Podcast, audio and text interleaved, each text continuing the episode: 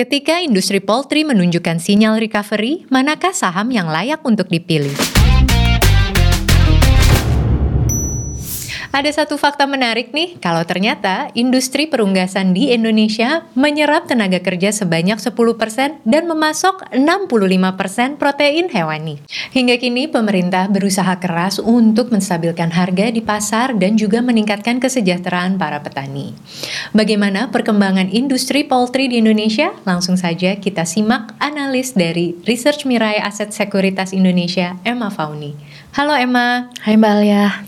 Di episode Superstock Januari kemarin kita sempat membahas saham Japfa dan sejak saat itu ternyata pergerakan saham di sektor unggas ini sangat menarik nih ya dan cukup positif. Apa nih yang mendorong hal tersebut? Ya betul sekali Mbak Alia. Jadi uh, memang harga saham-saham poultry ini memang sedang mengalami kenaikan, terutama di bulan ini ya. Uh, ini kemungkinan uh, didorong oleh beberapa sentimen positif yang pertama itu adalah realisasi uh, laba bersih Java full year 2020 kemarin yang uh, ternyata di atas ekspektasi konsensus. Kemudian yang kedua mungkin karena pergerakan harga-harga broiler dan DOC yang uh, masih termaintain di harga yang cukup bagus sampai sekarang ini gitu. Jadi kemungkinan uh, dua faktor itu yang uh, semacam memberikan konfirmasi bahwa skenario pemulihan di sektor poultry ini uh, yang sebenarnya sudah kita ekspektasikan juga dari akhir tahun lalu, ini kemungkinan masih akan terus berlanjut di sepanjang tahun 2021 ini. Oke baik, nah tadi kan Emma juga menyebutkan kalau ternyata peningkatan laba bersih Japfa ini di luar ekspektasi, apa nih yang mendorong peningkatan tersebut? Iya, jadi pada kuartal 4 kemarin Java membukukan laba bersih sebesar 660 miliar. Uh, secara year on year ini turun tipis sekitar 9 persenan, tapi secara Q on Q ini naik uh, drastis sekitar 500 persenan gitu dibandingkan kuartal 3 kemarin. Dan uh, ini membawa uh, capaian full year 2020-nya itu lebih tinggi dari ekspektasi kami dan juga konsensus. Mungkin salah satu penyebab harganya terus bergerak naik cantik adalah earnings ini ya. Iya, jadi pencapaian laba bersih Java di kuartal 4 yang sangat bagus ini uh, didorong oleh uh, membaiknya harga-harga broiler dan DOC di sepanjang kuartal 4. Memang kita dan juga konsensus sebelumnya uh, sudah memprediksi bahwa kuartal 4 itu adalah awal dari recovery melihat harga-harga broiler rata-rata secara harian di pasar itu berangsur-angsur membaik di sepanjang sepanjang kuartal 4 ya, pertengahan kuartal 4 lah gitu. Kemudian selain itu juga uh, kita melihat eh, segmen-segmen bisnis Java yang lain itu ada ekspansi margin. Seperti yang kita tahu Java kan uh, memiliki uh, diversifikasi bisnis uh, di luar bisnis poultry-nya ya. Jadi dapat disimpulkan kalau laba bersih Java ini sangat membaik ya. Nah, ya. bagaimana dengan kompetitornya nih seperti Cepin dan Main? Iya, kalau untuk Cepin dan Malindo sendiri, uh, laporan kuartal 4 itu mereka belum rilis ya. Tapi kami juga berekspektasi bahwa di kuartal 4 mereka juga akan ada uh, earnings recovery. Di episode Superstock sebelumnya, kita pernah membahas adanya intervensi pemerintah terhadap program Kaling. Bagaimana perkembangannya sejauh ini? Iya, jadi sampai sekarang pemerintah masih uh, melanjutkan uh, program kalinya. Instruksi yang terakhir itu dikeluarkan di bulan Maret. Mereka menginstruksikan uh, kaling sebesar 57,7 juta telur yang ada di dalam mesin hatcher selama 19 hari. Dan ini dilaksanakan selama 5 minggu dari tanggal 7 Maret sampai 10 April 2021. Wah, banyak sekali ya berarti dalam program Kaling ini yang dilakukan hanya dalam lima minggu saja. Iya, betul sekali Mbak. Dan ini merupakan uh, instruksi Kaling yang ketiga di tahun ini. Dan so far pemerintah sudah menginstruksikan setiap bulan selama 8 kali berturut-turut uh, dari bulan Agustus 2020 kemarin. Dampaknya kita bisa lihat uh, pergerakan harga broiler dan DOC yang berangsur-angsur membaik dan sudah mulai stabil sejak pertengahan kuartal 4 kemarin. Kemudian, apakah perbaikan harga-harga DOC dan ayam broiler ini justru karena ditopang oleh intervensi pemerintah terhadap supply atau justru demand dari masyarakat ini mulai pulih dan membaik? Iya, untuk saat ini kami masih melihat uh, harga-harga broiler dan DOC yang bertahan di level yang cukup bagus sampai saat ini itu uh, sebagian besar masih disupport oleh pembatasan supply ya daripada penguatan demandnya. Ya, memang kita juga sudah lihat uh, adanya peningkatan aktivitas mobilisasi masyarakat di luar sana ya, seperti juga yang sudah dipaparkan di strategi report Pak Haryanto di bulan Maret kemarin. Uh, intinya sudah ada uh, mobilisasi yang cukup masif, uh, sehingga mungkin ini bisa meningkatkan demand untuk uh, di hotel, restoran, kafe, horeca ya. Tapi uh, untuk saat ini kita masih melihat uh, penguatan harga-harga broiler dan DOC ini uh, masih secara signifikan disupport oleh pengendalian supply-nya sih daripada demand-nya Mbak. Jadi kita masih masih berharap nih ya intervensi pemerintah atas program Kaling ini masih terus berlanjut ya, Mak? Iya, Mbak. Dan juga kita memang e, berekspektasi pemerintah masih akan terus melanjutkan e, program Kaling ini. Apalagi pemerintah juga sudah e, memiliki proyeksi bahwa di sepanjang tahun 2021 ini akan ada potensi surplus sebesar 26 persen. Biar sahabat Mirai Aset lebih mengerti, sebenarnya Kaling ini apa ya?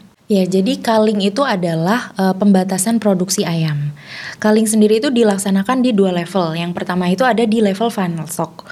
Di level final stock ini uh, biasanya pemerintah menginstruksikan integrator untuk mewithdraw telur-telur yang ada di dalam mesin hatcher selama 18 atau 19 hari dan biasanya instruksi ini uh, dievaluasi secara berkala uh, setiap bulan karena dampak dari uh, telur yang di withdraw dari mesin hatcher di level final stock ini tadi uh, biasanya mempengaruhi supply sekitar 6 sampai 7 minggu ke depan.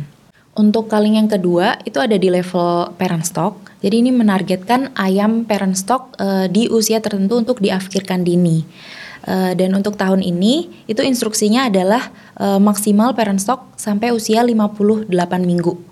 Dan ini berlaku sejak uh, Februari sampai sepanjang tahun 2021 ini. Sebagai tambahan, cap usia parent stock ini diturunkan uh, dibandingkan di tahun sebelumnya yang juga ada instruksi serupa di mana uh, usia maksimalnya itu ada di 60 minggu.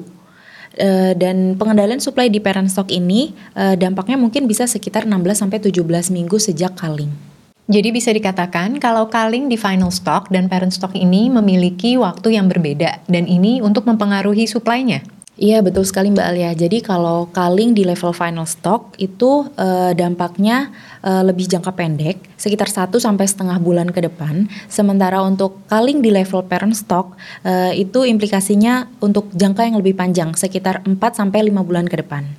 Jadi saham rekomendasi untuk industri poultry ini apa? Kalau kemarin topiknya adalah Java. Namun beberapa minggu ini kenaikan harga saham Java ini sudah naik secara signifikan. Nah, apakah saham Java ini masih layak dikoleksi nih, Mak?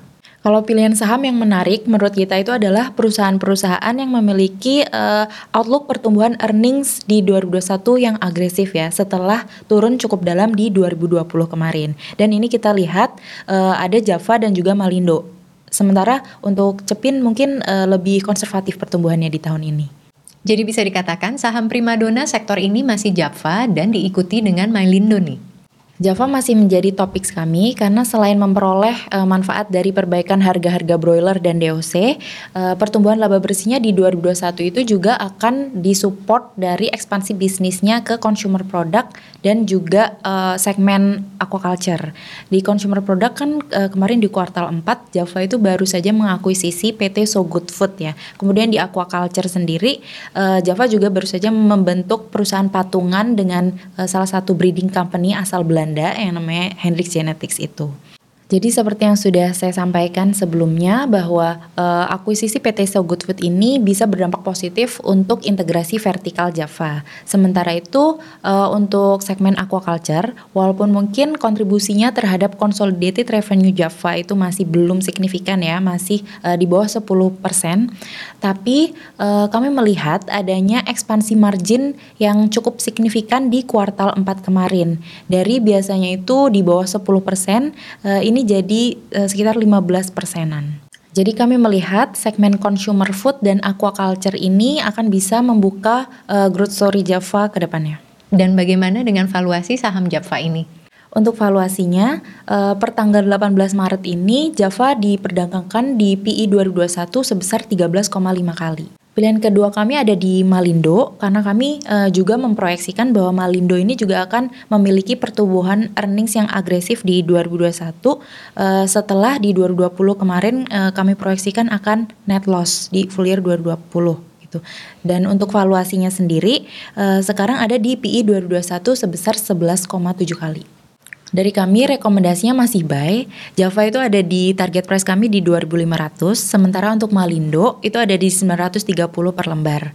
Uh, menurut kami Java dan Malindo ini masih deserve higher valuation ya dari uh, harga yang sekarang. Dan di harga sekarang ini masih ada kesempatan ya opportunity hingga ke target price tersebut ya. Iya betul Mbak. Di tahun 2021 ini baru saja nih ada satu emiten dari sektor industri unggas yang baru saja listed di bursa, yaitu perusahaan Widodo Makmur dengan kode emiten WMUU. Mungkin boleh di-share nih untuk sahabat Mirai Aset, apa sih main business dari WMUU ini? Jadi WMUU ini sedikit berbeda dengan uh, perusahaan-perusahaan poultry yang di bawah coverage kami yang lainnya. Uh, kalau kita lihat dari breakdown penjualannya, WMUU ini main bisnisnya sangat terkonsentrasi di sektor downstream, yaitu bisnis rumah potong ayam atau produknya itu adalah ayam karkas. Sampai di first half 2020 kemarin, uh, penjualan WMUU itu sekitar uh, lebih dari 80% penjualannya itu datangnya dari segmen bisnis rumah potong ayam. Ini sangat berbeda dengan uh, kompetitornya Cepin Java Malindo yang justru main bisnisnya itu sangat terkonsentrasi di sektor upstream dan juga midstream seperti pakan ternak, uh, DOC dan juga broiler. Dan bisa dibilang WMUU ini merupakan salah satu yang terbesar di industri rumah potong ayam. Jadi mungkin WMUU ini uh, tidak terlalu sensitif dengan pergerakan harga broiler dan DOC. Jadi uh, mungkin juga tidak terlalu terdampak dengan uh, skenario pemulihan di sektor poultry ini. Bagaimana dengan financial performance WMUU ini? Kalau dari performa keuangannya kita lihat uh, di tiga tahun belakangan itu laba bersihnya bertumbuh sangat signifikan. Ini disebabkan oleh uh, mungkin karena skala bisnis dia yang juga masih kecil sehingga upside-nya masih besar.